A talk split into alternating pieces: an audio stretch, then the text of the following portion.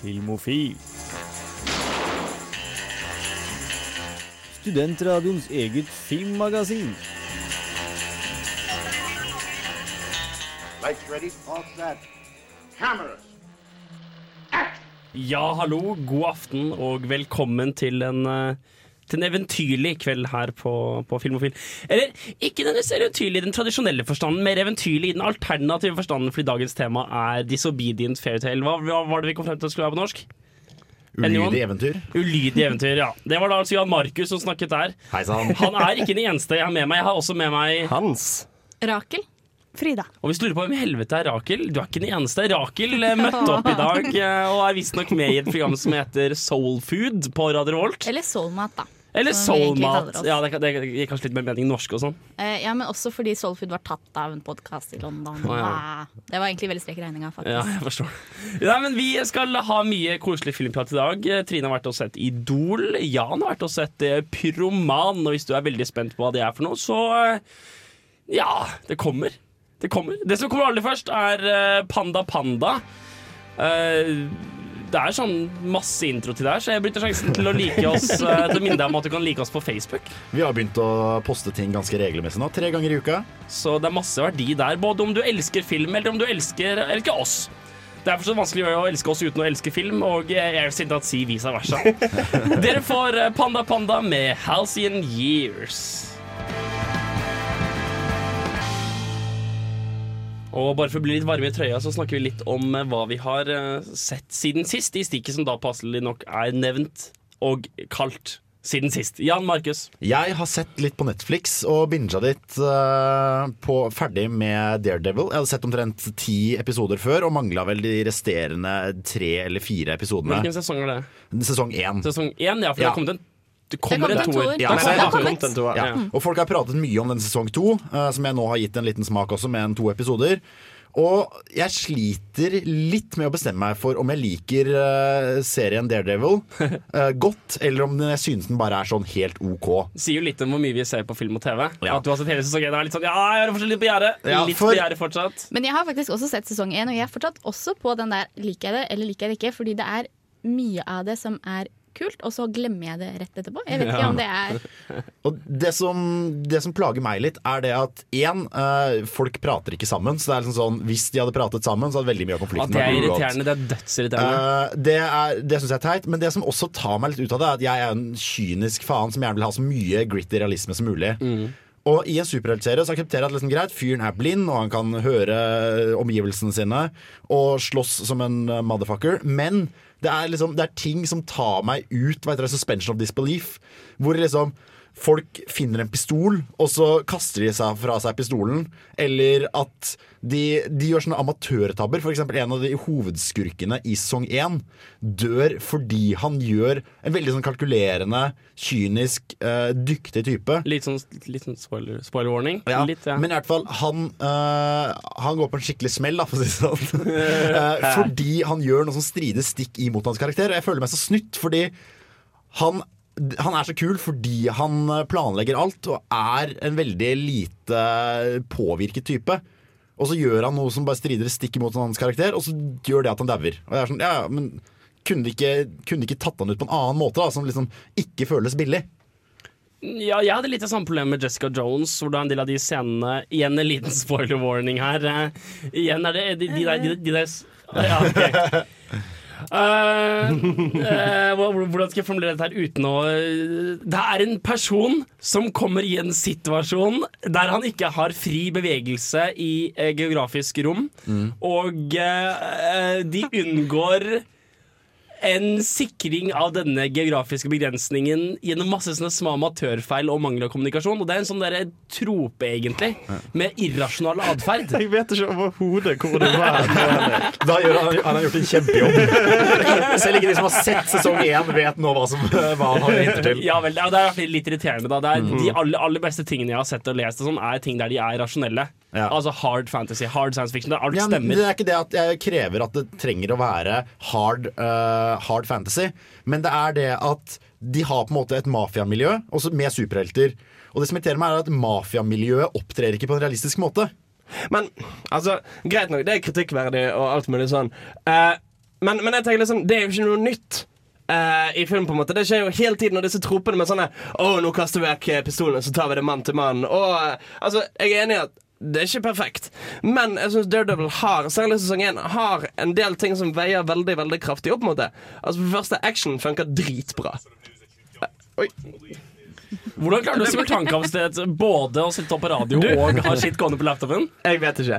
Um, det var et uhell. Uh, det jeg skulle si Action funker dritbra. Eh, vil I, jeg, vil, i, i Daredevil. I Daredevil. Uh, Bortsett, bortsett litt fra at det er klippet veldig hurtig, så du ser at det er sånn De tar ett spark, og så klipper de, og så tar de ett slag, og så klipper de. jo, jo, jo, jo, men Jo, jo. det ser du jo overalt. Ja, Altså, jo, jo, men, Jeg, jeg, jeg, jeg er rett og slett bare blitt bortskjemt. Jeg syns det, det er rart å skulle kritisere den serien, for at den gjør ting veldig mange andre serier òg gjør.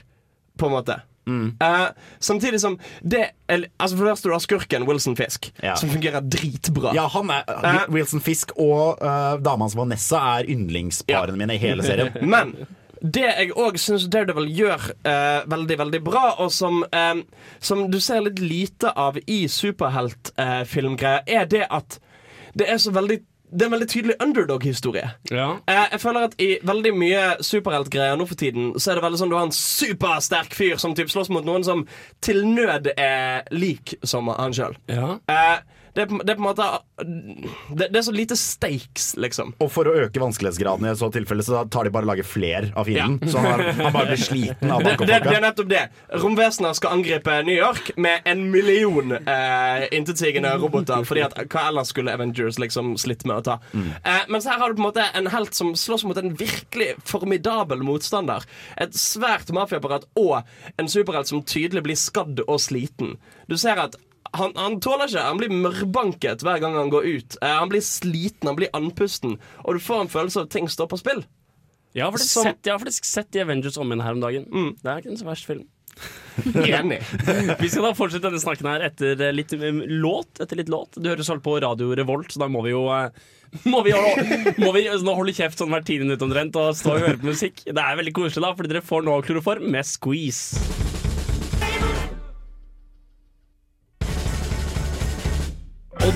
Denne gangen ble jeg nesten, nesten ikke lurt av, eh, av Chloroform Squeeze. Eh, De har åpenbart laget en sang bare for å fucke med radioledere.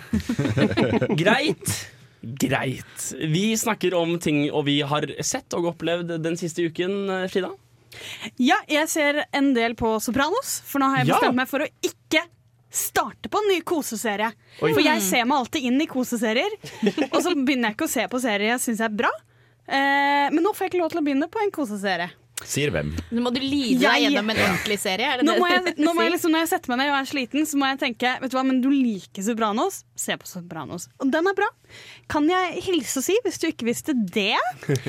Eh, men jeg vil også egentlig bare si at eh, jeg har sett en film som Henrik anbefalte for lenge, lenge, lenge siden. Er det, er det 'Sleeping with Other People'. Ja, stemmer! Ja! Ja!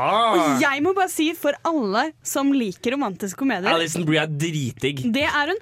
Men det du legger merke til med den, er at den er veldig moden, på en måte. Ja, det var det jeg også sa, for de Ja. behandler hele greia på en litt sånn kul måte. Og dialogen er faen ikke så verst. Nei, og kanskje mest som det de går rundt og føler, er ikke sånn Veldig ofte så er jo romantiske komedier basert på at du har noen litt dumme folk som altså det, Akkurat samme med, som dere snakket om nå nettopp med superheltserier. At du tas ut av det fordi de gjør ikke ting som er smart. Som blir sånn åh, Hvis du bare hadde skjerpet deg, så hadde dette gått bra. Og romantiske komedier er jo enda verre. Og dette er faktisk en som har valgt å gi dem en litt eh, ordentlig og ganske trist, i hvert fall. Hennes historie er jo ganske trist. Ja, Ganske for det er, det er på ingen måte en, en, en Egentlig en romantisk komedie. Det er, det, er, det er romantikk, og det er, det er komedie. Men den er på ingen måte interessert egentlig i å fortelle deg noe sånn der moral, eller å ende på en spesielt konstruktiv måte, eller noe som helst. Det er egentlig mer, mer en sånn et mer sånn studie i å være en moderne, aktiv ungdom. Mm. Vil du nesten si Hva er det å være seksuelt aktivt i liksom en metroseksuell hverdag, eller noe? Altså, Og hun, hennes historie er jo veldig det der hvordan Hennes historie er at hun er veldig forelsket i en mann som er gift. Og de har et forhold på si, så hun er denne andre kvinnen. The Homewrecker, liksom. Hun prøver å komme over han så hardt. Ja, fordi og klarer det ikke. Ja, og det er bare er ordentlig vondt. Hennes avhengighet av han Mm. blir også behandlet med veldig sånn respektfull Ja. ting, egentlig. Det er egentlig veldig fælt. Man blir aldri en sånn «Høhø, morsomt. Det er liksom aldri noen morsomme situasjoner rundt det. Det er bare fælt. Og det gir filmen litt sånn Noe eget. Ja, Ja, noe men jeg er helt enig. Det er veldig, veldig godt beskrevet. Uh, Hans Ystadnes eller Rakel. Tre, to, én. Jeg har sett en TV-serie på Netflix som heter The Unbreakable Kimmy Schmidt. Ja. Ses- God damn it, it's a miracle. Um, det er Sesong to kom nå nettopp, og fy faen, for en bra serie det er. Ja, Er du, det du det? syns det? Jeg er elsker den serien. Fordi altså, altså, En av de tingene som jeg syns gjør at det funker så jævlig bra, er at på overflaten så er det jo en veldig sånn sukkersøt eh, serie med altså da eh, hovedrollekarakteren Kimmy Schmidt. Eh, som er verdens sånn eh, Naiveste, søteste, koseligste, naive, blåøyde Adorkable. Adorkable. Adorkable som faen. Og og, og det, det funker jo bra som seg sjøl, men det de utforsker litt mer i sesong to, og som gjør den karakteren kjempeinteressant, er at dette er jo en eh, jente som har sittet fanget i en bunker i 15 år. Og, og du, på en måte, du, du får et inntrykk av at dette At, at det miljøet å, på en måte vokse opp og bli voksen i det miljøet fortsatt gir grobunn for ulike typer personlighet. Det at hun er som hun er, er fordi at hun er sånn. Og at den, eh, det hun har vært gjennom, ikke har latt eh, ikke, ikke har påvirket og bestemt hvem hun skal være. Og, og det som kommer til uttrykk i sesong to, er at hun fortsatt bærer på en del av tingene med det. Ja, for det Eh, var, det var det ikke noe særlig av i sesong én. det var ikke noe særlig av i sesong én. Nå kommer det litt frem, og det er en veldig flott sekvens hvor hun, em, hun begynner å flørte med en eh, militærveteran eh, som har vært i Irak og Afghanistan og sånn. Eh, og så går de på skrekkfilmer sammen og liksom snakker om det sånn Ja, det er så gøy å gå på skrekkfilm, fordi disse jævla plebsene tror det er skummelt. Å nei! Nå skal jeg inn i det mørke rommet! Og så ler de sammen, fordi at det vil ikke falle de inn og bli redde for noe sånt når Nei, de nei. har sett liksom så stor ondskap i øynene in real life. Men det er litt interessant overgang, tenker jeg, fra 'Sleeping with Other People'. Fordi Kimmy Schmidt er også en litt sånn sjangerbrytende Altså, Mm. preface Jeg liker ikke eh, Breakable Unbreakable Kimmy. Jeg syns ikke det er en bra TV-serie. Jeg syns ikke det var gøy å se på. Jeg respekterer at du syns det, på samme måte som jeg synes- respekterer at du har på den T-skjorten der. men, men det Kimmy Schmidt gjør bra, oppfatter jeg, er at helt fra starten av så behandler de de klisjeene de kunne falt inn i, behandler de med veldig snerja. Og Ja, ja. det, dette er en klisjé, og det er vi kjempefornøyd med. Ja, men det er nettopp det, fordi det er bare sånn Sånn er denne serien, og sånn skal den være. Ja, ikke sant? Men jeg tror det er også, det er jo, Tina Fey er jo også med på denne serien, som Ja. også har laget 30 Rock, som jeg også tror liksom har litt av det samme, hvor det er klisjeer som man kan falle inn i, men så gjør det det bare mye morsommere og friskt. Som jeg også syns tas opp igjen i Kimmy Schmidt, hvor Ja, det, er, liksom, det er litt sånn stygt og det er skikkelig teit noen ganger, som ikke ville fungert i andre serier. Absolutt. Ja, ja, ja. Og, det, og den, den, det de, de, de setter den standarden veldig godt tidlig. Og, det, og det, det flyter ganske pent på. Faen, det er en vittig serie. Altså, altså Jeg syns humoren i serien er god. De har bra comedic timing. Eh, bra liksom fleshed out karakterer. Eh, Titus Andromedon, vennen til eh, Kimmy Schmidt, eh, får jo òg en ny kurve i sesong to, fordi han er jo en eh, Altså han er en homofil karakter som er veldig sånn her flamboyant, veldig sånn eh, utagerende homofil fyr. Ja. Som får seg en kjæreste som overhodet ikke er det. Ja, for han, han har nettopp kommet ut av skapet og er tidligere anleggsarbeider. Ikke sant? Og sier jo ikke dette her til noen av gutta. Og det som er så gøy at Til å begynne med så er det veldig sånn at uh, Titus skal liksom være sånn Kom her, skal jeg lære deg å være homo. Ja. Men så snur de det på hodet, og så blir det sånn Men vent, kanskje ikke alle homoer trenger å være sånn. Kanskje på en måte en kan litt, ha litt individ, individ, individualitet på tross av seksuell legning. Og de drar det ja, men de drar det over i en veldig fin ting, og det føles, og det føles så organisk og fint. Det er liksom, det er overhodet ikke noe prekende med det. eller noe sånt Det, det, bare, det bare flyter skikkelig fint, og det, det er flott å se på. Jeg synes også at Den andre sesongen Den skaper veldig mye mer dybde i karakterene. Mm. Fordi første sesongen så får, blir du kjent med Kimmy Smith, du blir eh, kjent med Titus Armada Eh, jeg husker ikke helt hva den heter. Men nå så blir du liksom tatt med tilbake. Du får se Du får høre om moren Ja. til Kimmersmith, Schmidt, som er en stor greie i den andre sesongen. Og du får også høre om bakgrunnen til han Titus Armadeddon. Armageddon. Mm. Andromedon. Og- Andr- Andromedon. Takk. Og hvorfor er, det han, hvorfor er han den flamboyante homofile mannen som han er? Mm. Eh, så, ja, det skaper bare flere lag, da. med den andre. Ja, ja, Ja, men det er, det er helt enig det er, det som funker bra. Og det er som, som du sier, at det er faktisk mm, Folka er det er altså Kimmy Schmidt går litt fra den der um, uh, The Big Bang Theory-greie hvor hele crewet er bare en sånn joke delivery-maskin. Her er det litt mer dybde. Her er det litt mer sånn Og du får følelsen av at de har litt mer å jobbe med, så de må kanskje ikke strekke seg like langt for at hver episode skal være morsom. Det er, det er først i sesong to som du sier Hans at de kommer inn i et øyeblikk der de begynner å bruke bakgrunnsmateriale. Hele sesong én er bare nye ting, liksom. Det, det, det kan jeg si meg enig i. Vi skal ta og eh, høre litt mer, eh, litt mer musikk her på, på Radio Revolt. Dere får eh, Frankie Cosmos med Is It Possible eller Sleep Song her på Filmofil.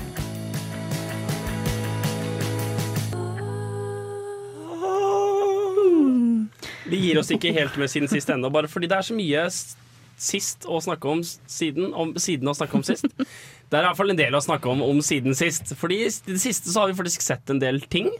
Både på den ene og den andre siden. Rakel, hva, du har jo ikke vært her før. Jeg har ikke vært her før, nei. Men har du sett noe som er friskt i minnet? Uh, ja, jeg har det. Uh, faktisk På veien hit så tenkte jeg at jeg så en film i går, jeg gråt litt. Hva het den? Uh, den het 'Familien Bellier'. Så den skal jeg ikke snakke om. Det er ja. en film om en døv jente som synger. det? er Det er en film om en døv fransk jente som synger nei, hun er ikke døv, familien hennes er døv. Hun synger er, Den er ganske trist, men den er ikke sånn kjempegodt skuespill egentlig fra hovedrolleinnehaveren. Har dere sett den før? Ta et innpust og holde seg til brystet. liksom. Jeg hadde Jeg er så deilig for den. Men den er, jeg, altså jeg kan jo si noen ord om den. Den er eh, faktisk veldig sånn sår, og jeg tror det har noe med at foreldrene er døve. Fordi at det da handler da om en jente som viser seg Hun er kjempeflink til å synge, kjempe sånn usikker jente. Eh, død familie som bor på en gård. Familien vil, faren vil stille til valg, men det er totalt avhengig av jenta som oversetter. Eh, og hun vil slippe, og hun vil være fri, og så får hun bli fri til slutt da, og dra til Paris og synge alt hun vil. Og den het Nå trengte vi ikke se den. Familien Bellier. OK, det er en, Ja, sorry, spoiler. En anbefaling for folk, som- en anbefaling for folk som ikke er så kresne på kvalitetsfilm, men trenger en liten skvett. Men den, den er fin, men det er bare litt sånn der eh, troverdighetsproblemer med Men det du ville snakke om Det jeg ville snakke om, var at jeg eh, var litt nedfor en dag, og så tenkte jeg, fikk jeg en venninne på besøk, tenkte jeg vi ser en litt morsom film. Ja. Eh, og da tenkte jeg å se Tutsi. Schindlers liste. Ja, det, var, det sto mellom Schindlers liste og Tutsi. Eh, da gikk jeg for Tutsi, for jeg hadde tenkt for meg at det er en sånn film som jeg hørte at den er egentlig ganske bra. Ja. Eh, og så har jeg tenkt nei, altså det er en mann i drag. Jeg tenkte kanskje litt sånn Miss Dout- Mrs. Doubtfire-vibber. Har jeg ja, alltid fått Mrs. av det. Doubtfire det er Dustin Hoffman, mens Tutsi er Robin Williams. Williams. Robin, Williams, med Robin. Doubtfire, Dustin Hoffman, I Tootsie. Tutsi. Ok. Ja, bra. Og Tootsie, kjempe, kjempekul film. Eh, altså Litt sånn rare kjønnsroller og alt mulig. Altså Dere kjenner historien. Ja. Eh, men som OK. Skuespiller, skuespiller som vil gjøre det stort. Han er egentlig skuespillerlærer, og så tar han en rolle kledd som en dame. Eh, og jeg, altså det er liksom jeg, har litt, litt, eh, jeg er litt ambivalent til den filmen, egentlig. Eh, kul film for all del, men det med kvinneroller og sånn, hvor han er liksom sånn å, det, Og det som skjer da, er at den rollen hans blir den største sånn TV-kvinnerollen. Eh, Ja, altså, han, han, han, blir, han blir ekstremt vellykket. Og han blir, liksom, vellykket. han blir, han blir it, it-woman. Blir liksom Ja. forbilde. Og veldig sånn der, den eneste sterke kvinnen eh, på eh, såpeserie-TV-verden. Og så er det Er en liksom mann. Ja, det er nettopp det. Og der føler jeg at liksom sånn Man sier litt at ja, OK, eh, kvinner kan også være sterke, men helst hvis de er menn. De gjør veldig bra Er sterke kvinner. sånn, kvinner. er det ikke litt sånn Caitlyn Jenner, Jenner Woman of the Year-type faktisk? Sånn, Eh, Litt, Man får kanskje litt de vibbene der. menn, Ja. er, er best i alt-greia? Ja, men fordi Det som er liksom paradoksalt med denne filmen, er at du har en mann som er kvinne, og han spiller en veldig kompleks kvinne. Mm. Men alle de andre kvinnene i filmen er bare kvinner i film. Er typ bare pene, pene damer som er der Mm. for å på en måte problematisere hans rolle som kvinne. da. Og så forelsker han seg selvfølgelig i denne Ja, selvfølgelig. veldig vakre Mm. med, medskuespillerinnen. Som, som ikke har noe annen personlighet annet enn å være en litt forstyrra kvinne som blir litt misbrukt av eh, produsent. Og... Så det som skjedde, var at du lo, men feministen inni deg gråt. Ja, det var det som skjedde. Basically. basically. Men feministen inni meg var glad når den sterke kvinnen var sterk og viste hei, sterke kvinner, men allikevel, det var en mann. Eh, så det var litt vanskelig for meg. Det. Jo, men Var det ikke Tilda Swinton som spilte en sterk mann her om dagen? Det er kanskje noen år siden. Men det er ikke bare menn som kan spille kvinner. Altså. Tilda Swinton gjør en god runde i ringen, hun også. Jeg driver, jeg driver og drømmer om at Tilda Swinton spiller en David Bowie-dokumentar en gang. Har hun ikke gjort det? Nei, jeg vet ikke. Hun spilte jo en Dylan. Kate, Kate Blanchett. Kate Blanchett, ja. Nei, jeg tenkte ikke originalen på Tilda Swindon, men hvem spilte Dylan? Var det det? Det var Kate Blanchett. Kate Blanchett det var derfor jeg sa du tenkte på Ja, ja. akkurat. Ja, men takk. Ja. Fint med tydelig kommunikasjon her på, på radio. Uh, jeg har da sett The Avengers om igjen. Det gikk opp for meg, Jeg hadde ikke sett den siden den kom ut. Og så har det vært så sykt mye snakk om Marvel og shit i det siste. Og det skal liksom komme ting og tang og liksom Å, Captain America, Winter Soldier, og herregud, it's all coming together. Og så så jeg The Avengers om igjen. Det var ikke så verst film, altså. Jeg har nettopp bestemt meg for å slutte boikotten min av Marvel hey! og se Winter Sol Soldier og, og Age of Ultron. Det tror jeg er de to jeg gidder, og mer enn det blir litt Ja, for nå, nå kommer jo Civil War på, den tror jeg kanskje jeg vil på se. neste uke. Tror du den kollektive filmindustrien puster lettet ut nå? Når Ja, ikke sant? over? Så bra at vi mistet den harde motgangen. Jeg Kan jeg bare- nettopp NRK her, og det skriver om det. Kan jeg bare spørre hvorfor boikotten? Er det Jeg syns det blir litt mye superhelter. Og jeg Ja, ok. syns på en måte ehm, Men på bakgrunn av hva? For Hvis du utelukker Marvel Cinematic Universe, så er det ikke så veldig mye Så er det mye det bare er ræva. Ja, det er sant. Og jeg synes på en måte sånn vi, vi trenger ikke alle, og det pumpes så mye ut. Og det på en måte Men altså, Vi skal jo prate om dette faktisk senere i ja, det er faktisk sant. Vi kommer antakeligvis vi tilbake til det. Vet du hva vi også kommer tilbake til? Hva kommer vi også tilbake til? Hans som fast nyhetskorrespondent. Hey, hey. Og hvis du er like keen på å høre det som meg, så uh, kan du rett og slett sitte og riste av glede og spenning uh, mens du hører på Inculcado med Dance My Way. Du hører på Radio Revolt på Filmofil.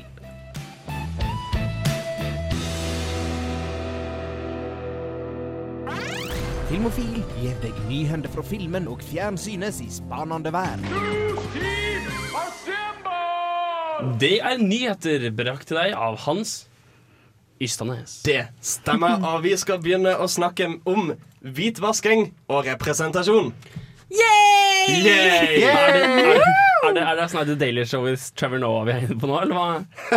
Hvordan da? Nei, det her høres ut som seriøse temaer. Oh, ja, ja, ja. Um, det er faktisk litt det. For det ble nylig sluppet det første bildet fra live eh, av Ghost in the Shell.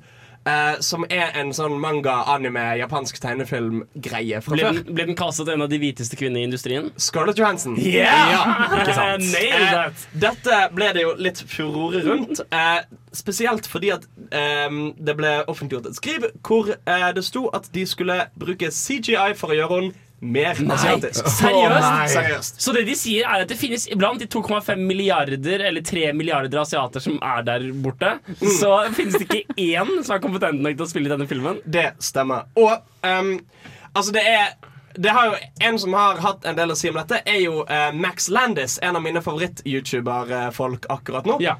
Uh, som òg har hatt en uh, fot inn i filmbransjen siden han var 20 år gammel som manusforfatter og diverse. Um, som har snakket mye om industrien og hvordan industrien suger, og de må gjøre dette for å tjene penger. og alt mulig sånn Ja. Um, og det skal sies at han som eier selskapet Han som driver selskapet som eier Ghost in the Shell, har sagt at han syns det er greit med uh, Scarlett Johansen. Ja, fordi Argumentet går på at det er ikke filmskaperne sin feil, fordi hvis du ikke har et stort førstenavn, så får du ikke penger til å lage filmen. Ja Al altså, altså, eller det, det, det er litt sånn situasjon hvor på en måte alle skyver skylden bort på resten. Ja. Fordi typ sånn eh, Altså folk sier 'Hvorfor kunne dere ikke finne en asiat?'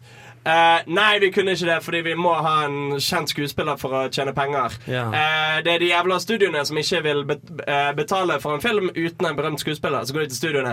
'Hvorfor kunne dere ikke latt en asiat spille det?' Nei, det er ikke vår feil. Det er forbrukerne. Er Se, på, se på statistikken. Ja. Ingen ser en film uten en stor, kjent skuespiller. Og så basically står forbrukerne og roper på seg sjøl. Men jeg bare lurer på altså, hvor etisk forsvarlig er det her? Hvor langt unna er det egentlig å spille blackface? Eh, Men det er jo ikke det. Det er jo bare fordi det er asiater og ikke svarte. Det Er er det det, det? det, er det som er argumentet. Ja. og, og, og det er jo òg litt inn på Altså, for, det første, for det første, det er jo et problem at roller som åpenbart ikke er hvite, spilles av ikke av, av hvite folk. Eh, for eksempel uh, Gods of Egypt-filmen. Oh, som kom Det i var fjor eller forrige år. Har du sett den? Nei, selvfølgelig har jeg ikke sett den, men jeg er outraged! Jo, men altså, Man ser jo ikke den filmen. Altså, det der er jo faktisk ekkelt. Frida, for de som ikke har sett den, hva er problemet der? Altså, Du har jo et problem når du skal ha lage en film om gudene til et folk. Det folket de er gudene til, får lov til å være fra det ekle, ekle landet de var fra. Men alle gudene må være hvite. Fordi gudelige mennesker må være hvite. Prøver du å si at Gerard Butler ikke er fra Egypt? Ja, fy faen! De kunne valgt en annen. ærlig talt, han er ikke så god. Han kan jo ikke selge en film, han. Hva med, hva med de der gamle filmene sp eh, Altså Sparta er kanskje litt på kanten, men hva med den der gamle Achilles? Hva heter? Hvilken, 300. 300. ja, nei, jeg tenkte ikke på Sparta, jeg tenkte på hvilken, hvilke filmer Troy! Takk. For eksempel òg. Men um, Er det greit fordi man gjorde det før i Hollywood? Skal vi, skal, vi- skal vi ta resten av sendingen om det her? Vet du hva, Nå er vi fyrer opp, la oss bare gjøre det. La oss ta det. La oss, la oss snakke dritt om senere. Men fordi det som er tingene er at argumentet om at pengene ikke kommer til å tjene penger uten en berømt hvit skuespiller eh, i eh, hovedrollen, holder ikke helt vann. Ikke? Nei, fordi um, Fast and the Furious 7, var det, var det den siste som kom? Ja, oss, la oss si Seks det. eller sju, jeg husker ikke. Ja, jeg. Jeg tror, jeg tror det var syv, ja. Den tjente jævlig mye penger. Og Ja. når de målte det, eh, så fant de ut at den tjente jævlig mye penger hos hispanics og eh, svarte og folk av andre etnisiteter. Eh, nettopp fordi at den filmen har et veldig multietnisk eh, cast. Eh, og, og, og det tyder jo da på at representasjon faktisk har noe å si. Og det knyttes nærmere opp mot en annen liten nyhet jeg har funnet. Takk. Eh, fordi filmen The Jungle Book Som du Som- sa i for, forrige uke. som jeg så i forrige uke, og hvor jeg la merke til at de ikke hadde tatt sjansen til å hvitvaske det, men faktisk hadde en indisk kid i, eh, i hovedrollen. Ja, fordi, og Ben Kinsley er jo så å si indisk. Sant? Den har tjent alle pengene i India. Har den det, ja? Ja, ja, Det er blitt den mestselgende filmen i India noensinne. Oi. Oi. Eh, slo, artig nok, Fast and Furious Syv. Sju! Eh, så det tyder på at representasjon i media, det at folk har lyst å se helter som ser litt ut som de sjøl, har noe å si. Så, Altså, det er jo Altså, det har jo i hvert fall mye å si for de som aldri ser det. ja. Sånn, Vi hadde jo ikke løpt til en film der sånn Å, yes! Hvit helt! Oh my god! Jeg må innrømme at jeg, jeg hadde litt mer lyst til å se The Martian fordi han uh, Fogel var med. Aksel, Aksel, Aksel Hennie som en tysker. ja, ja, ja, men, men, sånn, og altså, For det første, det burde jo være feil bare fordi det er feil. Vi- Det, altså, det, det er på en måte prinsipielt kjipt at alle i store filmer er hvite. Men, dette er, men det, det er et amerikansk produksjonsselskap. Hvorfor skal Hollywood være ansvarlig for hele verden sin etniske ved- ved- vedlikeholdelse? Nå mener jeg ikke at jeg Nå er jeg bare devil's advocate her, men er ikke et argument? Amerika er for faen ikke et hvitt land. Jo, men du ser ikke Bollywood. Ikke det hele tatt. du ser, Nei, det er, ok, det er fortsatt et poeng. Altså, altså, det fins faktisk asi- asi- asiatiske sku- skuespillere i Hollywood. Argumentet, Ja, okay, er, argumentet er bare ikke ta hensyn til India. Eh, argumentet bare se hvor mye penger dere tjener når dere tar det riktige Og du ser jo det mer og mer. Skyfall hadde masse i, i, i Kina. Altså, det er masse filmer som begynner å være andre steder bare for å komme inn i det markedet. Yeah. Så man skulle tro at det var argumenter, økonomiske argumenter for å, for å ha folk som er fra der filmen er fra. Ikke sant? Husker dere Disney Channel-TV-serien Wizards of Waverly Place? Nei. Ja. Ja. Nope. Eh, men du Er det, er det som Sabrina? Ja, Ja, ja, Er dette starten til Selena Gomez? Yep. Vi skal snakke om Ah, Selena. Gomez og TV-serien hun skal produsere om hennes eget liv. Ja, nei, det er på tide. Det er på tide. Er det litt som Hannah Montana? Det, det, Dette, dette, dette er meg som nevner ting jeg kan i den, denne sjangeren. vi vet veldig lite om handlingen, annet enn at det skal være eh, en selvbiografisk serie om Selena Gomez sitt liv. Og det er en del av Altså, altså en, en samling TV-serier som har fått samletittelen Vampire. Eh, oh. Hva, hva, hva skal det stå for? altså Female Empire, Empire. bare female. Okay. Jeg tror ikke det er mer eh, Dypere enn som så. Nei. Ja, det gjør litt vondt inni meg, Ja. egentlig. Men, men hvor de har tatt kontakt med hun og, og flere jenter, blant annet eh, Janet Jackson, eh, Ronda Rousey og Serena Williams, er alle tilknyttet dette prosjektet. her Jo, men De er mange sterke, sterke kvinner, i hvert fall fysisk sterke kvinner. Ikke sant? Uh, så det skal, som du sa, det skal fokusere på livet hennes og hennes trusted inner circle. Uh, som da blant annet inkluderer Taylor Swift og Demi Lovato og rett og slett masse sånne kjendisdamer. Er dette en sånn veldig veldig heftig versjon av å skrive selvbiografi når man er 21? Sånn Wayne Rooney-faktor? Det kan godt hende. Er det greit? Men skal det være typ, liksom, Kim Kardashian, Keeping Up With The Kardashian-type ting? Eller skal nei, det være nei, en saklig Altså, altså Det er scripted. altså Det skal ikke være en dokumentarserie. Okay. Når det er sagt, det er stretching it å bruke det begrepet om Kardashians. Um, Men, men, men det skal overhodet ikke være et forsøk på noe reality. eller noe sånt Det skal være scripted. Det skal være på en måte en spillefilmserie. Ja, nei, det er jo Historien er skrevet av The Victors, så det passer godt at, at hun nå bare reskrive alt som har skjedd henne. Så det er ikke liksom Dette er livet mitt nå, dette er mine venner, men det er hva har skjedd siden jeg var med på Magikerne på Place Sikkert noe sånt Vi, vet- vi vet ikke helt detaljene rundt det. Så nyheten din er basically Selena Gomez. Woo! Og Serena Williams eh, og de andre. De andre damene. yeah. Siste kjapp nyhet. Siste kjapp. Oh, men den, ok. Vi kan nevne Prince, da. ja, det, det, det, jeg, har ikke lyst til å snakke om det. Nei, Han men han er en stor kulturpersonlighet, og han har noen spilt i en del filmer. Jo, jo. Prince er dessverre død i en alder av hvor var det, 57? 57 år. Det var litt tidlig. Yeah. Uh, så det er jo Det må jo nevnes. Han er en veld, veldig stor kulturpersonlighet og er en inspirasjons og har vært en inspirasjonskilde for veldig mange store kulturpåvirkere, spesielt i Amerika. Da. Så. Så, det jeg hadde lyst til å snakke om. Kjenner dere til selskapet Hasbro? Ja. Ja. Leketøyselskapet. Okay. Yes. Eh, de eier blant annet GI Joe. Eh, som var en tegnefilmserie lagd for å selge actionfigurer. Eh, som det ble en film av nylig. To filmer, begge slaktet i alt av media. Jeg har sett halvparten av den ene. Det er noe av det verste jeg har sett i hele mitt liv. Ikke sant? Ja, men G.I. Joe hadde jo et par skuespillere i seg som hadde vært i andre ting også. Det er fortsatt drit. Er det en mannlig versjon av Barbie-filmer? Ja, ja de var en gjorde jo det. Ja, det for han er militærkis og veldig mye action. Og veldig Altså, I Norge hadde vi jo Ok. Action Man, Ja. eh, som Ja. var på en måte tilsvaret. Um, det som er litt gøy, er at Hasbro har nå bestemt seg for at disse GI Joe-filmene ikke skal stå alene. De skal lage et cinematic universe. Nei! Nei! Og altså, I utgangspunktet høres jo dette jævlig crap ut. Ja. Eh, Det, altså, det, det funket for Lego. Altså nå skal jeg si De tingene de skal lage rundt G.I. Joe er eneste jeg har hørt om, men de skal lage om Micronauts, Visionaries, Mask og Rom. Jeg vet ikke hva noen av de tingene er. Men nå blir det interessant. Fordi um, De har med George Miller. Hæ?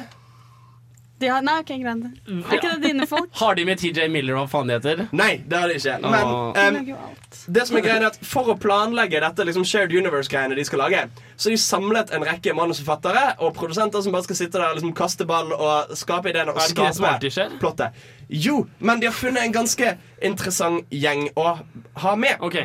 Eh, De har funnet Michael Chabon, som har jobbet med et par filmer. Eh, mest berømte av filmene han har jobbet med, er Spiderman 2. Okay. Som er jo kanskje den beste Spiderman-filmen eh, av Spiderman-filmene. Som vi ikke syns er altfor verst, nei? Eh, mer interessant er at de har fått tak i Brian K. Vaughan. Fra Det er kanskje ikke et kjent navn for dere, men Nei. det er et kjent navn for meg. Fordi du kan Han så mye om alt. er nemlig eh, mest kjent som eh, Som tegneserieskribent. Ok.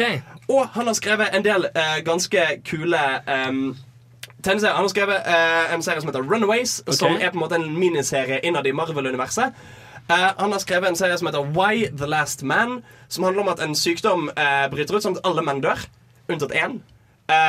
Og, så det basically postapokalyptisk helvete hvor verden suger alle for jævla angst. Fordi faen, vi har ikke en mann Hvordan skal vi formere oss og klare oss? Oi! Der er den. en. Så det er egentlig Eh. en liten kritikk av feminismen.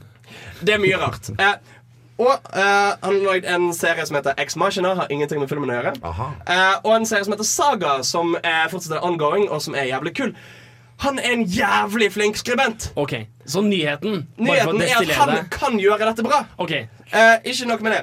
Eh, de har Herregud, det er den verdens lengste nyhet. De har dessuten med seg Chio Choker, som er showrunneren for den kommende Luke Cage-serien. Som vi gleder oss til. Som vi gleder oss som noen jævla unger til, alle sammen. Fordi Jessica Jones var bra. Fordi Jessica Jones okay. og Daredevil Så var bra. nyheten er G.I. Joe som suger for en Cinematic Universe som ikke nødvendigvis Som kan bli bra. Ok, Så du er optimistisk? Selvfølgelig. Ok Vi skal eh, faktisk eh, gå rett på en anmeldelse. Trine, Trine Mogo, som dessverre ikke kunne være her i dag fordi hun er sikkert en populær liten kvinne, er, eh, har vært og sett en film. Hun har vært og sett den eh, palestinske, er det ikke det det var? Jo. Idol.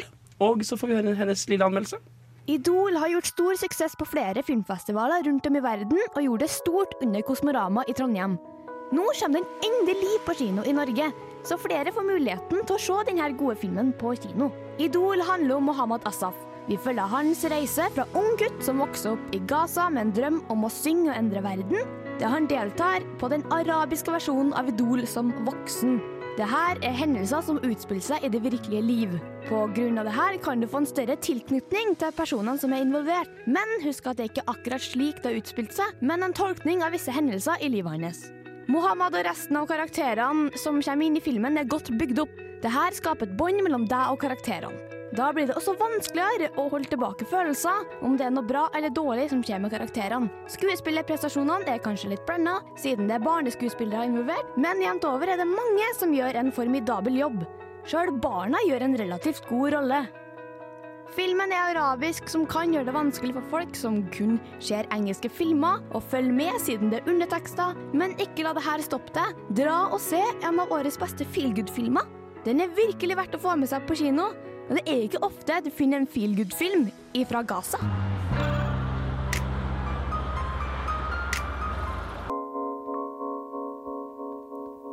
Jan, du var og så en liten, uh, liten film her, var du ikke? Ja, jeg så en uh, norsk film, til og med, så vi må jo støtte opp om lokale filmindustrien. Jeg har til og med laget en liten anmeldelse på akkurat den. og Den syns jeg vi kan høre på.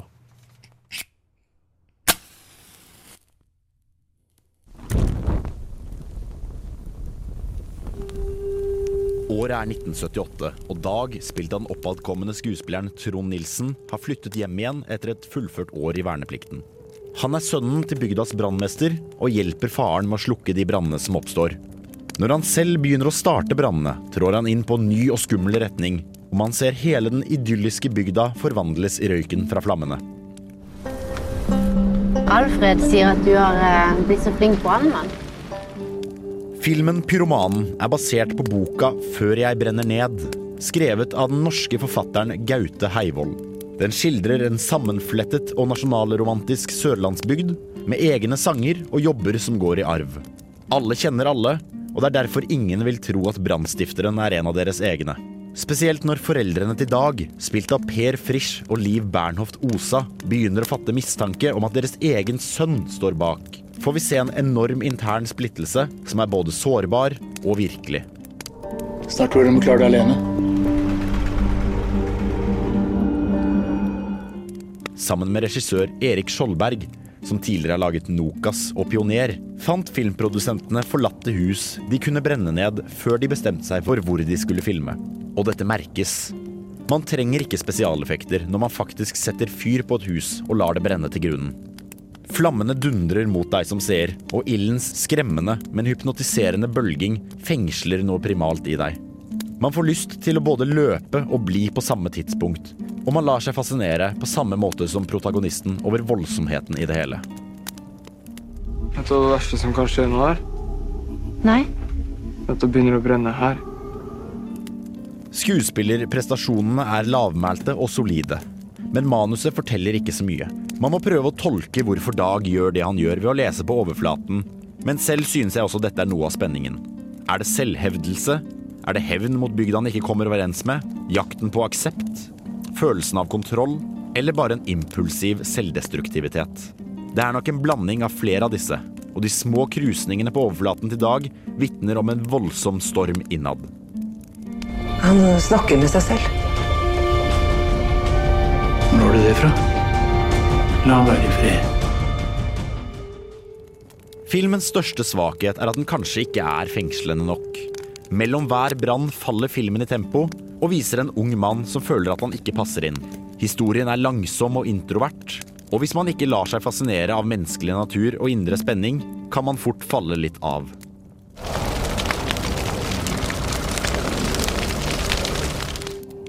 Pyromanen er en stødig film som er verdt å få med seg.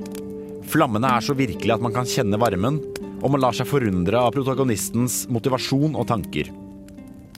Om du er i humør for et glødende norsk sosialdrama, er dette en film du kan kose deg med.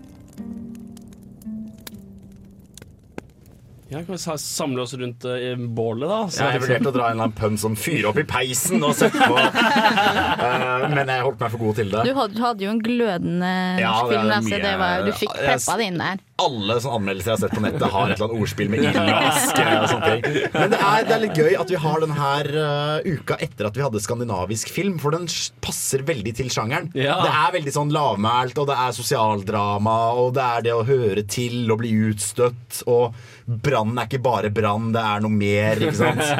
Uh, men det er absolutt en film som jeg syns er verdt å få med seg, fordi det er skuespillprestasjon, spesielt foreldrene og moren som spiller dette her. Hun ser jo helt fucked ut, uh, fordi hun innser at ok, jeg tror faktisk sønnen min er brannstifter, men vil ikke på en måte hanskes med den sannheten. I tillegg til at spesialeffektene er ekstremt bra. Du vet ikke om du ser på om flammer som er dataanimert, eller om de faktisk har puttet en bestemor inn i et brennende hus. Det er virkelig sånn at uh, du er helt overbevist, og du kjenner liksom det knitrer og det brenner og det dundrer på den buldringa fra flammene. Ja, for en, en, en fordel med norsk film er at man har muligheten i større grad til å gi deg en refleksjon av den samfunnet du lever i. Vil, du si at, vil du si at denne filmen klarte det? Ja, det er jo litt sånn Det foregår jo i 1978, så det er jo en litt annen tid. Og det er litt den uh, tiden hvor folk begynner å gjøre opprør, og du trenger ikke bli brannmester fordi faren din var det. Og så ser du på en måte, ok, Han har litt lyst til det, men han har likevel ikke lyst til det. Og så hvor hører han hjemme i verden? Og så merker han at han føler seg liksom ikke tilpass da, i, eh, i bygda han bor i. Men det var, det, var ikke, det, var ikke, det var ikke bare glør her, liksom. Det var eh, Du ble litt fyrig av å se denne filmen her. Hører du ikke det? Ja, jeg kan si at denne filmen er noe jeg brenner for. Ja, du vil si det, ja. Det er ikke Du, du gikk ikke tom for oksygen med en gang, liksom. Han var ikke så dårlig at du ble illsint. Nei, den, den holdt seg for god til å gå opp i røyk. Å, herregud. Det gnistret i. Greit, det var, så lenge, det, det var så lenge vi holdt ut. Dere skal få litt Monsters and Men med Dirty Paws.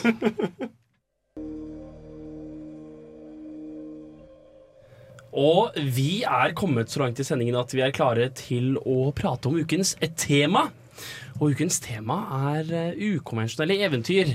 Frida, har du lyst til å, in, intro, introdusere oss? Ja, eh, vi tenkte egentlig å starte litt med å prate om hva som er konvensjonelt eventyr. På en måte, hva er det de representerer?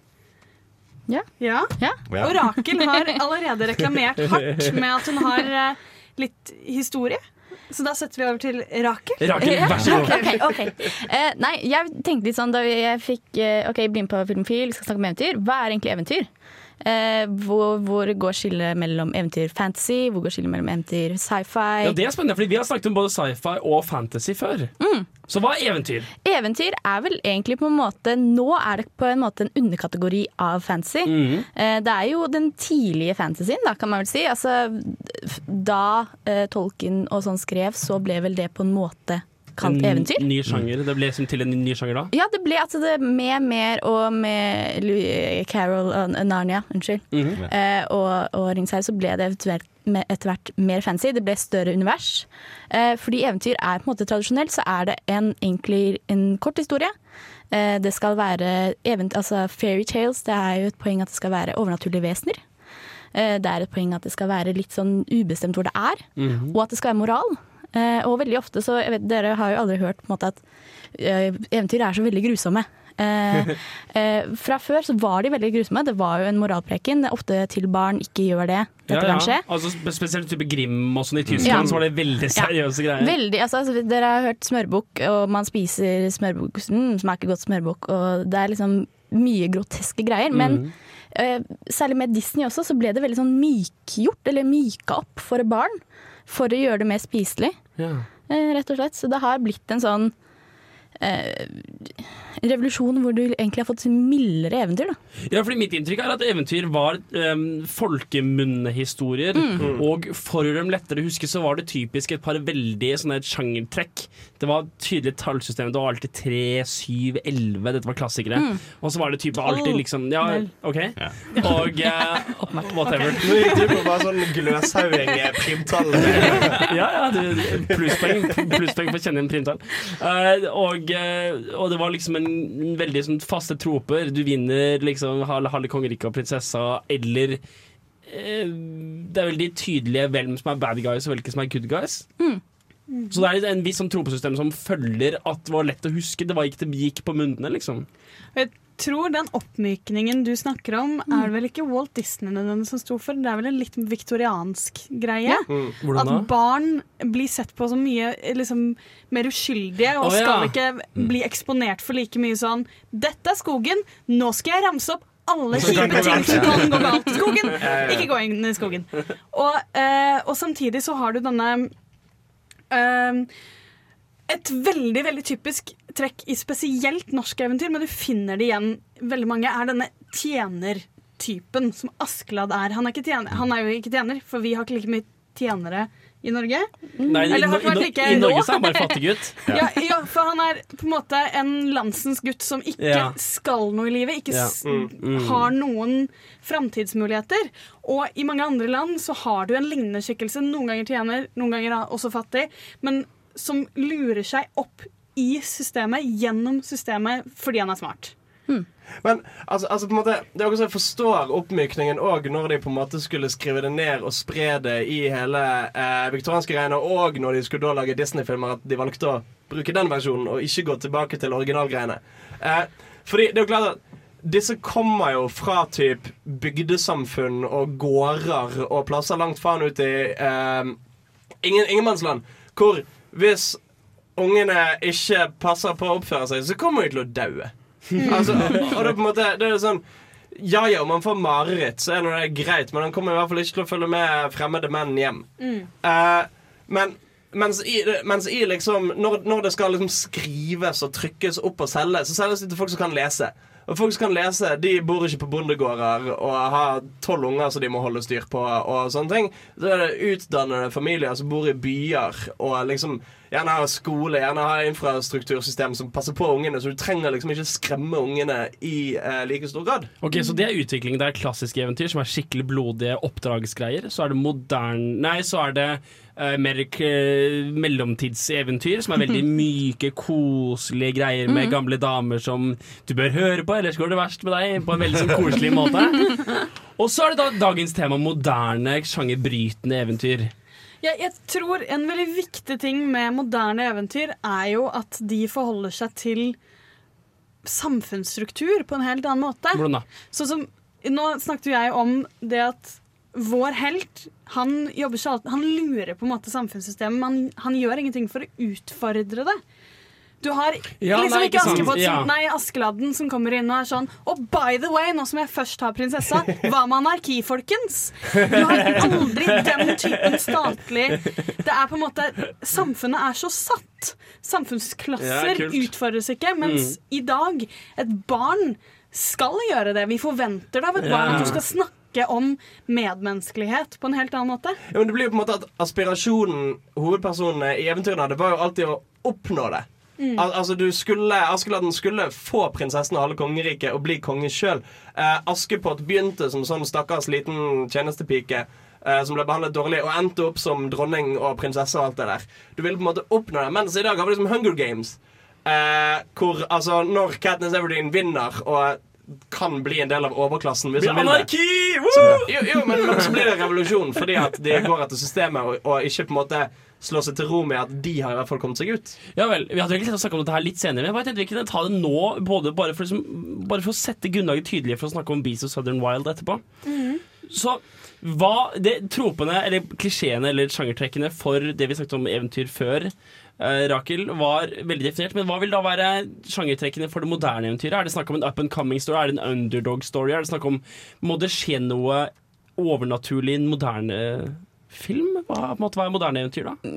Jeg vet ikke, jeg tenker at det har jo et visst sånn overnaturlig preg med seg. Ja. Men jeg tror kanskje en stor forskjell fra klassiske eventyr til moderne eventyr er som vi har snakket om, det der å forandre samfunnet. At det handler ikke lenger om én person sin overlevelse eller én person sin kamp til toppen, men det handler om å på en måte gjøre verden til et bedre sted på et vis. da. Men, men hvordan er det forskjellig fra bare drama? Anyone? Det tror jeg kanskje er med det overnaturlige aspektet. Ja. Litt moraliserende, en litt ubestemt verden, du vet ikke helt hvor vi er. Ja, ikke sant? Fordi da tenker jeg litt på Slumdog Millionaire som et type eventyr, men det er det da ikke. Det har det vært kan man kalt et moderne eventyr, Absolutt. faktisk. Absolutt. eh, Men det har altså, ingen det- det- av de sjangertrekkene. Det er for dette med du, Jeg vil si at man splitter seg veldig i to. At du har disse overnaturlige, og 'Beats of the Southern Wild skal vi komme tilbake til, Og- som og er en veldig... som veldig Den Guillermo del Toro-filmen vi hadde om for en Pan, Pan. som bruker Og der har du dette med at overnaturlige ting har blitt symboler. Som man bruker mye mer aktivt enn man gjorde i gamle dager. Da. Det er liksom ikke sånn at Askeladden setter seg ned midt og er sånn Hva er det dette trollet symboliserer inni meg?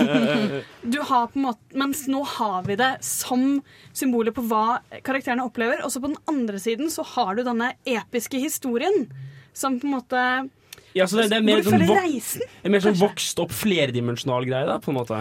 Og som Hvis vi går helt tilbake til det du sa, Henrik, med at før så måtte man huske det fordi man hadde ikke noe å skrive det med. Nå kan uh, folk skrive, og hvem som helst med en laptop kan finne på sitt eget eventyr og dele det til hele verden. Og du trenger ikke holde deg til de samme sjangertekkene for at folk skal huske det.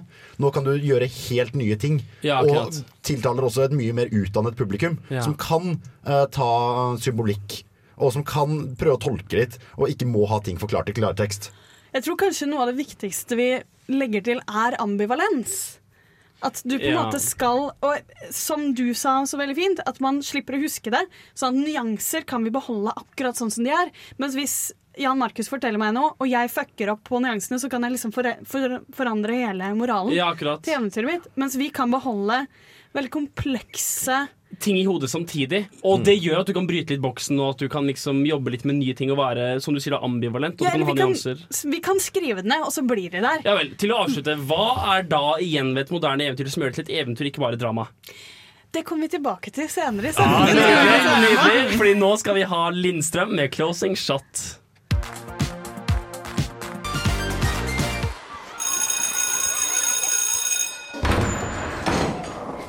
Be no foolish wand waving or silly incantations in this class. No, okay, that's it for the day then. Today, we have a similar debate over this. Anyone know what this is, class? Anyone? Anyone? Anyone seen this before? Ukens hjemmelekse. Og ukens hjemmelekse var altså Beasts of the Southern Wild. Som da, jeg håper, er et moderne eventyr. Ja, det håper vi òg. Hva var det med den filmen som var eh, Som gjorde, den til en hjemmelekse? Det er jo vi, Jeg så den faktisk senest i dag, og det er en slags sånn eh, Southern, Southern Gothic. eh, veldig sånn Swamp People-greie. Og du kan se på det som en slags sånn litt trist fortelling om en far som ikke er i stand til å ta vare på barnet sitt, eh, og som da dør av en sykdom. Eller så kan du se på det som en sånn slags kosmisk fortelling hvor du har en veldig sånn liten protagonist eh, på fire år som går mot alle konvensjoner og får en slags lykkelig slutt allikevel.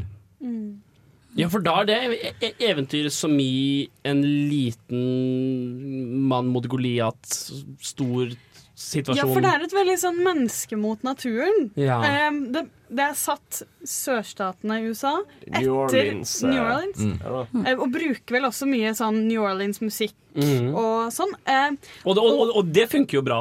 Ja, ja, ja. Men det handler jo om hvordan disse takler klimakrisen. Et veldig, veldig moderne problem, Mm, mm. eh, kan man jo mildt sagt si. Og de på en måte går, til, går litt tilbake og lever litt mer sånn som man gjorde i gamle dager, får man følelsen av. Så jeg syns jo at det er et moderne eventyr veldig fordi de bruker eventyr eh, rett og slett, for å fortelle historien sin. Jeg, så jeg bare tenkte på det du sa, at det er menneske mot natur. Jeg føler mer at det er sånn menneske med natur akkurat i den filmen. Fordi at det handler om Altså, du, du møter moderne mennesker eh, i løpet av filmen som skal prøve å på en måte redde disse menneskene som bor i, eh, i da liksom umenneskelige forhold, da. Men jeg, tror, jeg tenker at det er en veldig sånn vestlig holdning. Eh, og jeg har sett flere som har på en måte kritisert det her med at man liksom romantiserer den derre eh, å bo i eh, Romantiserer hva er det ville livet, på en måte. Ja. Eh, men jeg tror at det er ja, nettopp en veldig vestlig holdning å prøve å liksom trekke noe over hodet på folk og si sånn dette er bra for deg, det er veldig bra for deg å være på sykehuset, eh, der vi redder dere og er veldig snille mot dere, men det handler ikke om det for dem. For dem så er det ikke et altså, det er ikke et kjempeproblem. De tenker ikke 'nå har vi det skikkelig jævlig'. De lever livet sitt og har det kjempefint og har ikke lyst til å være en del av det på en måte eh, kliniske, moderne verden som de som vil redde dem, har lyst til å redde dem til. Da. Og det er det du sier også, at de har en litt sånn det er, Jeg kommenterte på det at det er nesten som om de lever i et annet samfunn. Det er som om de ikke er en del av vår verden. Og de har en helt annen virkelighetsoppfatning enn vi som liksom har rekkehus og gratis tannhelse. Og de, Ja, så for oss er det et eventyr, forresten er det en dokumentar. Ja, og det er på en måte sånn de tilnærmer seg hele sin virkelighet med liksom sånne myter og legender, og de forklarer på en måte at nå kommer snart verden til å rase sammen, og Sørpolen skal smelte. Ikke pga. CO2 og sånn, men fordi liksom det står i skjebnen, og du har med sånne beist som driver og jager etter Mm. dere.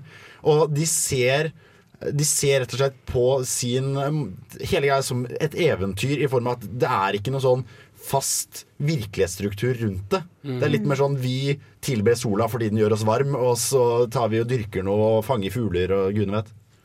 Det- Jeg vil jo si at det er historien om Hushpuppy, denne fireåringen, Mm. som aksepterer akkurat det, og på en måte går inn i det samfunnet hun er Som hun på en måte velger. Mm. for det ender jo med Du har denne dette, en slags metafor med disse store beistene som driver og galopperer over vannet, eller noe sånt. Ja, vet det. Eh, noe sånt. Eh, som helt klart naturen er det, Jeg syns ikke det var så vanskelig eller så mye å analysere. Det er sånn der, det store kosmiske som hun til slutt står og møter. Og på en måte er venner med, som du sier. At det er ikke mot naturen, det er med naturen. Og jeg tror det er hennes reise til å finne ut at hun hører til akkurat der, og hun kan nå stå alene. Og det er veldig, hun er jo veldig opptatt av det der at folk skal vite at det var en uh, There was a hush puppy lived with her dad in the bathtub.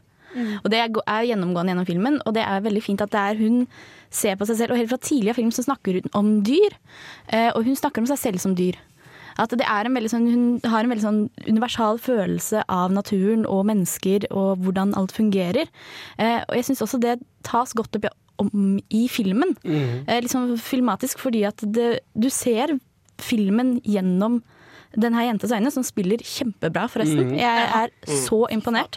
Jeg var helt sånn Hæ, hvem er denne jenta her? Og så var hun jo en søt jente. Ja, det, men det skulle bare mangle. Fordi at det er, altså, det er ting som på en måte ikke henger helt på greip hvis en voksen hadde fortalt det. Men fordi det er med et barns øyne, så syns jeg at det på en måte det gir så fin mening. Og- eller bare, du trenger ikke sette spørsmålstegn ved det, egentlig. Ja, for det er litt eventyrlig ved det. da på en Mm. måte. Og litt da, da, og igjen litt tilbake på det, lab, Pan Pans labyrint-type ting. da Mm. Frida, du hadde funnet en, eh, en filmlåt. Ja. Det er vel eh, temasangen fra um, Beast of, of the Southern Wild. Beast- altså- Den er så fin! ja, den er veldig fin. Uh, musikken er generelt en grunn til å se filmen i seg selv, så kjør på. Played Det er jo alltid ha musikk når den er påtent. Helst noe indisk eller pakistansk. Ukas filmlåt. Og i ukas filmlåt så bestemte vi oss for å være kjempe... Nei, det gjorde vi ikke. Vi er ganske, ganske uoriginale, egentlig. Men det er faktisk ganske viktig. Det er en liten, sånn, hva skal jeg si, en liten sånn filmperle noen kanskje har hørt om. Og så er, er ikke originaliteten nødvendigvis alfa og omega i eventyr heller. Så det er mange måter vi kan forsvare å bruke dagens låt som ukas filmlåt, nemlig Let it go! Let it go! Fra en liten film som het Frozen, som kom ut for noen år siden. Hvis du ikke har sett den, så kan du egentlig klare deg uten. Det er mange andre filmer Det du går greit. Ja, men Hvis du ikke har sett Frozen, så er det antakeligvis masse andre filmer du bør se først. Hvis du, hvis du har Eller, eller nei, nå, nå, nå, nå, så, nå så Frida surr ut nå. Men vi, vi kan jo på en måte Det som gjør den her til et moderne eventyr, er at det tar et veldig klassisk format. eh, med liksom prinsesser og slott og sånne ting. Og så snakker de om eh, Eller behandler det på en helt ny måte. Her er Ja. disse sterke kvinnelige hovedroller. Mm. Og du har eh, det som kanskje nesten kan tolkes som mental eh, sykdom. Og litt mer uklart hvem som er bad guy og ikke. Og Ja, fordi Hvis vi tar motsetning til Beasts of the Southern Wild, kan vi noen lage en forkortelse? Tenk ut det og si til meg etterpå i pausen, så kan jeg si det litt kjappere. Eh, ok. Eh, for den er jo en film som har en ganske moderne historie, og så bare tar de liksom eventyr trekkene og trer over hodet på den. Sånn, her er det litt monster, og det er litt litt stemning, gøy, gøy, gøy. Og så får den en litt annen dimensjon, sånn som vi snakket om i stad. Mens disse her har jo tatt et eventyr og så tatt ut alt det eventyrlige. Gitt karakterene en veldig Gitt det menneskelige følelser. Veldig mye av det de gjør, er jo å ta alle du, du, De har alle de faste rollene. Du har prinsessen, prinsen, skurken. Og så bare sier de ja, men alle skal være feil. Så de liksom snur litt på dem. Sånn, skurken er ikke skurken i det hele tatt. Hun sliter masse med indre følelseslivet sitt. Og den egentlige skurken er han der i finanskrisen som kommer inn og og coacher han falske prinsen. Hæ?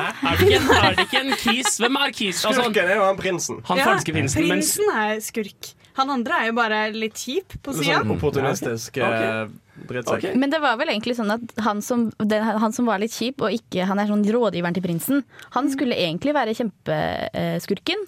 Eh, og prinsen skulle egentlig være Prince Charming. Jeg tror det var noe sånn at de jobba med det over lengre tid, og så forandret de veldig mange roller. En veldig viktig ting de forandret, var faktisk Elsa sin rolle, som Mm. er eh, ikke skurken nå. Hun er hun som har magiske krefter som hun ikke kan kontrollere. God, jeg tipper det er en god metafor på å være homofil. Hun skal holde inne. Det er, ikke alt for deg. de har faktisk hinta til det selv, de som lagde den. Ja. Jeg lover. Men men hun var egentlig en helt annen karakter. Hun kunne egentlig not, not, not let it go. Egentlig så var hun skurk. Hun var bare skurk. Plain Ja. out, slem. Sånn slemme ha sånn- dronningen i Snøhvit, liksom. Ja, hun de skulle ha sånn Skar Mofasa-forhold. Sånn der mm. søskenforhold der hvor én okay. er eh, slemming. Yeah. Og så var det de som skrev uh, musikken, var sånn OK, men hun må nesten ha en sang. Nå løper ikke vei. Vi skriver en sang. Den ble Let It Go. Og så hørte de den, så var det sånn Herregud, dette her er bra. Dette her sier så mye om følelsene hennes. Vi må bare skrive om alt. Herregud, så dere, så, så, herregud, så dere har sugd i å lage en låt som passer til det vi har skrevet. Leste dere det vi sendte dere? eller faen ha. Men jeg synes på en måte Frozen er et eksempel på al Altså det er en film hvor, hvor vi som seere er så Hva, hva skal jeg si?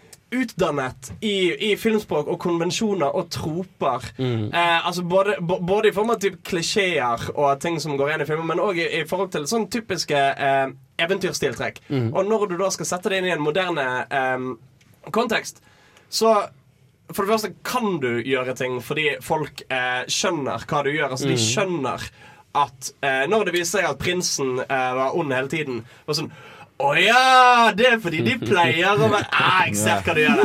Ja, og, og det får en verdi i den på en måte sjangerbrytende også. Og samtidig må du nesten gjøre det for å på en måte skape nok som er nytt for folk. Ja, nytt, ja. Mm. eh, fordi Frozen hadde ikke blitt en så stor film hvis de ikke hadde hatt de tingene der. Og det er en ting som jeg øh, trekker litt som personlig erfaring. Jeg har en lillesøster på ti år. Yndlingsfilmen hennes eh, fra Disney, i hvert fall Frozen og Brave. Ja. Og de bryter med så mange av de Disney-konvensjonene hvor det har en prinsesse som blir reddet, men her er det sterke jenter som redder seg selv. Hva med Entangled? Entangled er vel ikke det, egentlig? Hun er vel altså med, eller i samme stil. Hun på en Mm. måte har der er det jo mye mer en som vokser opp med en ganske fæl mor. Eller moren veldig det hun tror klassisk, er mor, ja. Mm. er fæl. Men det på en måte spilles mye mer ut som et personlig drama enn sånn. Og så, så kommer jeg hjem, Og jo prins og og Kisen er kjempedugelig. Det er jo egentlig hesten som er noe særlig. Det er hesten og hun dama som er noe særlig i, i denne filmen. Men jeg synes jo det er veldig viktig med det Frozen gjør, som er viktig, er jo på en måte å gi noe til barn som de aksepterer. Ja. Jeg tror dagens jenter er for liksom oppdratt til sånn derre ah, 'Vi må snakke om denne prinsessekjolen din', til at de hadde akseptert denne ekte kjærlighetskyss. Som er Det er jo den største kommentaren til Frozen, er jo at hun fakt, en act of true love er noe hun gjør selv. Ja. Og det, jeg tror barn i dag, i hvert fall foreldre som tar med barn i dag, ja. trenger at vi snur på den, disse gamle Det er ikke engang klisjeer, det er jo representere et samfunn vi har gått fra fordi det sugde. Ja. Så kanskje vi ikke skal fortsette å liksom mate det til barn i moralhistoriene våre. Nei. Det er et veldig, veldig godt poeng, og du kan ha den, den ehm, opprørske tingen i hodet mens du da hører på, eh, på Frozen. Og eh, hvis du ser for deg denne rammen av, av sosialkulturell undertrykkelse, så kan du bare tenke 'let it go'.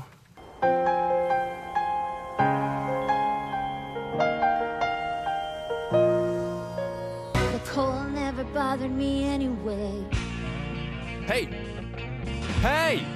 Det er ikke 90s sitcom-flashback. Ta og Skru på noe annet. Ja, bedre, men prøv igjen. Der, ja! Ahem. Filmofil presenterer ukas serie.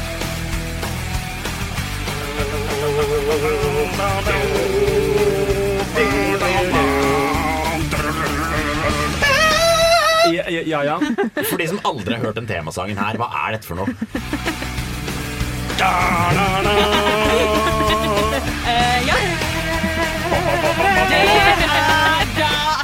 Det er Buffy.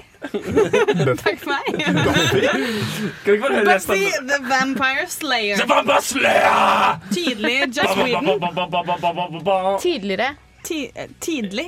Joss Whedon. Joss Whedon. Nå er det- nå- nå er det Joss Whedon. Hun hørte feil. Sorry. Buffy er jo eh, Vil man si Det er jo en av de eh, seriene man går tilbake og binger. I hvert fall. Ja, Buffy er noe eget. Eh, De fikk til noen ting veldig bra, og de var kom på et tidspunkt hvor det traff ganske bra til publikum, tenker jeg. Ja. Og det, det, det er veldig sånn tidsfestet. Altså Du ser at dette ble lagd eh, påbegynt på 90-tallet. Spesielt fordi Sarah Michelle Gellar er sånn åtte. Det er, det er, Er det- nei, ja, Ja, ja, okay. Alle er Eh, veldig unge, er poenget De er mitt. kjempeunge. uh, og du har òg en ung hva heter, Alison Hannigan, Ja, uh, som stemmer. senere er bedre kjent fra American Pie American og How Pie. I Met Your Mother. Ja. Um, Skikkelig god i Buffy. Ja, ja. Det er Men altså, alle er gode i Buffy. ja, ja, ja. Altså, Buffy er en kvalitetsserie. Ja, det er det. Selv om når vi snakker sånn her, hvem er det vi prøver å overbevise? Nei, fordi Ja, ok, Jan! Ja, hvorfor? Jeg har ikke sett uh, Buffy. Burde jeg binge det? Nei, det er, ikke, hvorfor? det er ikke så farlig, egentlig. Du Jo, må nesten ha sett den når du kom for å digge det. Buffy er på Nei! Jeg Hvor gammel er du, Henrik? Altså, Jeg liker det OC og sånn, jeg, men jeg, jeg skal holde helt kjeft. Ok, Frida. Hvorfor er dette et moderne eventyr? Og jeg skulle overbevise han om hvorfor han burde se på det. En ting Buffy gjør Altså Den er en litt sånn tidlig nerdeserie, på den måten vi har nerdeserier i dag. Og du ser veldig godt at du har folk som, som prøver ut mye, de som skriver den. De er sånn ah, vi har lyst til å lage en dyp og intrikat, emosjonell greie bare med monstre. For monstrene må nesten representere følelsene, bla, bla, bla. Og de på en måte noen ganger så bare bommer de så sykt. Og det er derfor noe blir så veldig bra, fordi de har en sånn derre De har så guts til å prøve ut. Mm. Og uh, altså, altså Det er jo i hvert fall til å begynne med veldig sånn Monster of the Week-opplegg. Ja. Uh, med at å, nå kommer et nytt beist eller flere vampyrer til Summer Sunnydale? Sunnydale. Um, å, hva skal Buffy gjøre nå? Eh, men, men det som gjør det, gjør det interessant, er jo at det er det er veldig sånn Å, i hver generasjon blir det født en slayer som skal stå opp mot demoner og vampyrer og sånn. Og så er det da hun Buffy som er sånn motvillig. hun er motvillig. Altså, altså, det, det begynner med at hun fraskriver seg hele greien. Jeg skal faen ikke være noen slayer. Jeg skal gå på skole, få meg venner, bare leve vanlig tenåringslivet. Og så blir hun dratt inn i det.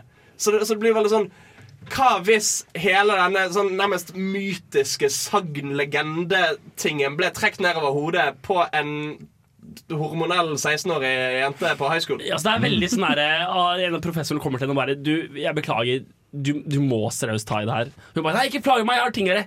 Kom igjen, du kan du ha én vampyr. Én vampyr, ok? En vampyr, og så får du en A i et eller annet. Ja, okay. Og det er, som Frida nevnte, litt tidlig. Litt sånn pre-nerdekultur-TV-serie, egentlig. Det- Altså Hele den greia med sånn, altså, The Nerdist Podcast-generasjonen på en måte kom etter dette. Eller i hvert fall før eh, nerdekultur hadde en plass i mainstreamen. Ja, akkurat det var det jeg mente. Var det var det jeg mente At Mainstream nerdekultur var det, var det, var det jeg mente. Og, men det som jeg syns gjør den veldig verdt å nevne her, er det at de gjør det veldig tydelig at monstrene er alltid om hva de føler. Det skal alltid belyse en historie rundt deres personlige utvikling. Mm. Ja, for Monstrene er ikke bare monstre. Nei, de så De skal eh, eh, Hva er det heter? Utfordre noe Ja, for mm, dem. Og han, eh, Joss Whedon har sagt det at et av de verste eh, spørsmålene han får, den like minst, er når folk sier 'Når skal du lage en musikal?' eller 'Når skal du lage en bla, bla, bla?' Episode av det showet. Ja, for de laget jo veldig mange merkelige ting. Litt sånn spesielle. Uh, Angel, som er en spin-off av Buffy, hadde en, en episode der hvor alle ble forvandlet til uh, dukker. Så alle går rundt som sånn hånddukker. Ja, og, og, og, og hvis du er en stor fan av Supernatural, så gjør Supernatural litt det samme ganger. De har episoder hvor det bare er en merkelig sitcom-episode. Altså Buffy prøvde ut masse ting, og som Frida Mm. nevnte, noen ganger så gikk det så en jævlig. Musikalepisoden. Akkurat. Som funka Å, den er så bra! Den er faktisk en virkelig, virkelig god musikal. Og eller den bare passet så bra akkurat da i hvor de var emosjonelt. Og det er akkurat det som gjør den veldig spesiell. Eh, en av de mest kjente his episodene heter Hush, okay. som handler om kommunikasjon. Det handler om at alle sammen er alle forholdene er litt sånn hvor de ikke klarer å prate sammen, og så kommer det noen monstre, de, de verste monstre, de virkelig skumle greier, som stjeler stemmene til alle sammen. Og så har du en sånn helt Den er egentlig skrevet fordi noen sa til Joss Whedon at han ja, lager ikke Ja, han, han har god dialog og ingenting annet. Så er det sånn Fuck deg! Watch me! Ja, for denne, denne episoden er faktisk morsom også. Veldig. Men, men uh, den er på en måte Dette med Nå når vi leser eventyr, så, så har vi det med å tolke den veldig mye. Og eh, liksom Dette som kanskje ikke var så mye sånn Ja, og trollet representerer det, det, det. Nå gjør det det.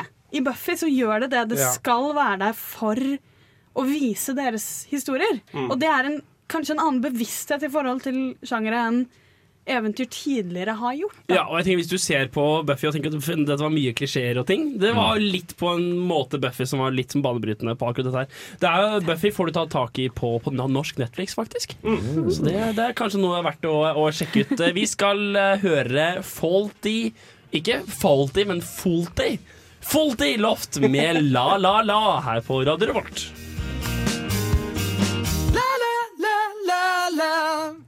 OK, så hva er egentlig moderne eventyr? Fordi Vi har snakket om mange interessante filmer, men jeg sliter litt med å se fellesnevneren. Jeg har noen spørsmål, egentlig. Kan okay. vi, let me- answer your question with more questions. Ja, men eh, Går det ikke an å gjøre til en litt sånn quiz? Litt Jo, sånn, hva jo, er det vi ja. føler er moderne Ja, eh, eventyr? Black Swan? Nei. Hvorfor? Fordi det er en dram drama. Men da har jeg noen ting. Det er et psykologisk er- drama. Ja, men det, er noe, ikke sant? det er noe overnaturlig aspekt ved det. Men hun fantaserer. Det er en drama. Men, drama. Fan, er det ikke også fantasi i Beast of Southern Royal? Men det er et barns fantasi. Hvorfor er det annerledes? Jeg, jeg syns du argumenterer for at Beats of Southern Wild ikke er en eventyr. Star Wars.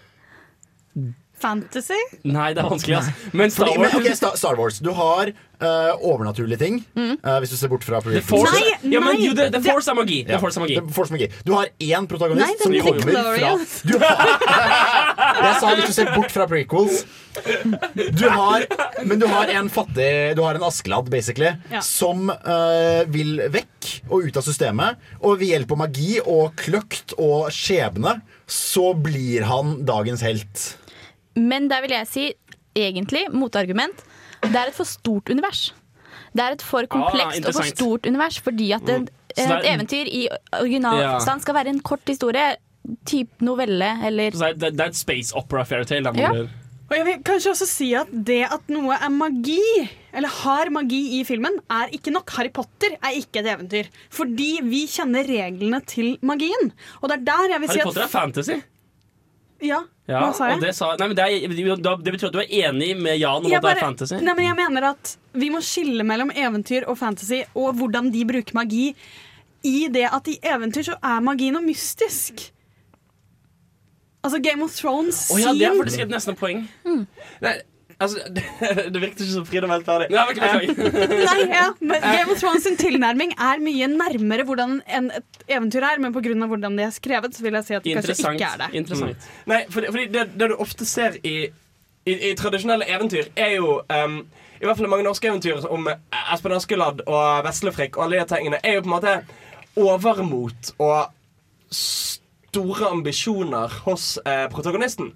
Altså, Askeladden er alltid sånn han skal gå ut og beseire verden og drite i at det er skummelt i skogen. Og sånn Og så lærer han at han burde faen ikke bare gått ut i verden og burde skjønt at det var faktisk skumle ting der. Og så må han redde seg inn igjen med å bruke liksom kløkt og tenke kjapt og alt mulig sånn. Men, men, men du, må, du må ha hele den dumdristigheten, føler jeg.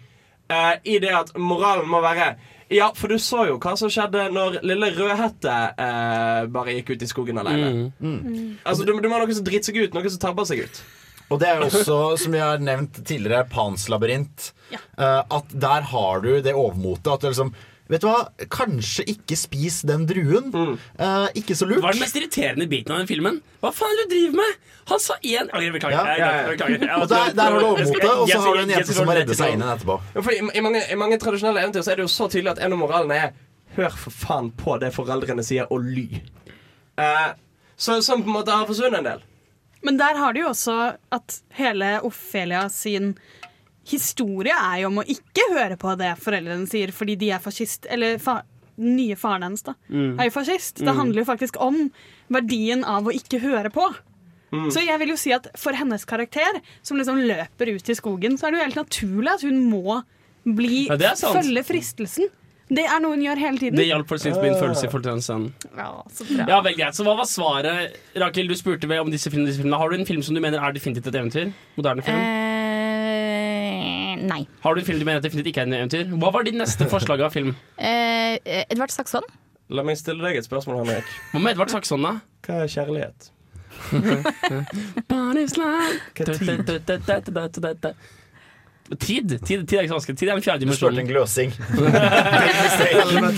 Kjærlighet er ho- ho- hormonisk ubalanse som resultat av det.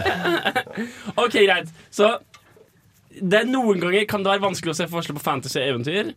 Noen ganger kan det være vanskelig å se forskjell på dramatisk, psykologisk drama og eventyr. Men vi er enige om at det er kult når du tar et eventyr og bryter sjangertrekken dens.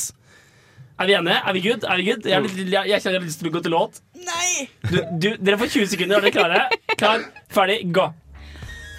Altså, Moderne eventyr er jo ikke en ting. Det er en måte vi ser på en tradisjon på. Og det Ja. kan vi gjøre på mange måter. Du har den måten å bruke språket, du har den måten å tolke det på nytt. Rakel! Uh, nei, jeg vil egentlig legge til en annen ting med eventyr. Er at man skal ha en happy ending. Uh, som uh, man ikke har i f.eks. Black Swan. Men som du får nå. Det var dagens Filmofilsending. Filmofil-sending. Håper du har eh, kost deg veldig der med dine øreplugger eller i din bil eller andre lyttemiljøer. Ah, ok, never mind. Uh, vi har snakket om, uh, om eh, eventyr og om sjangerbrytende eventyr. Jeg vil gjerne takke Rakel for et veldig koselig besøk. Takk. Så får du da høre på uh, Soulmat? Soulmat, eller Soulfood, eller Postblues. Uh, Nei. Soulmat. Ok, sånn at. Eh, neste uke så har vi om barn i film. Det kommer antakeligvis til å bli fryktelig koselig.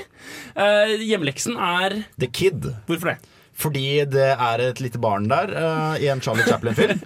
Og vi kan snakke veldig mye om hans rolle i filmen, og også hva som var omstendighetene rundt filmens produksjon. Og uh, det har vært Henrik. Hans. Jan Markus. Rakel? Frida. Og uh, ja, ses igjen neste uke. Ha det bra.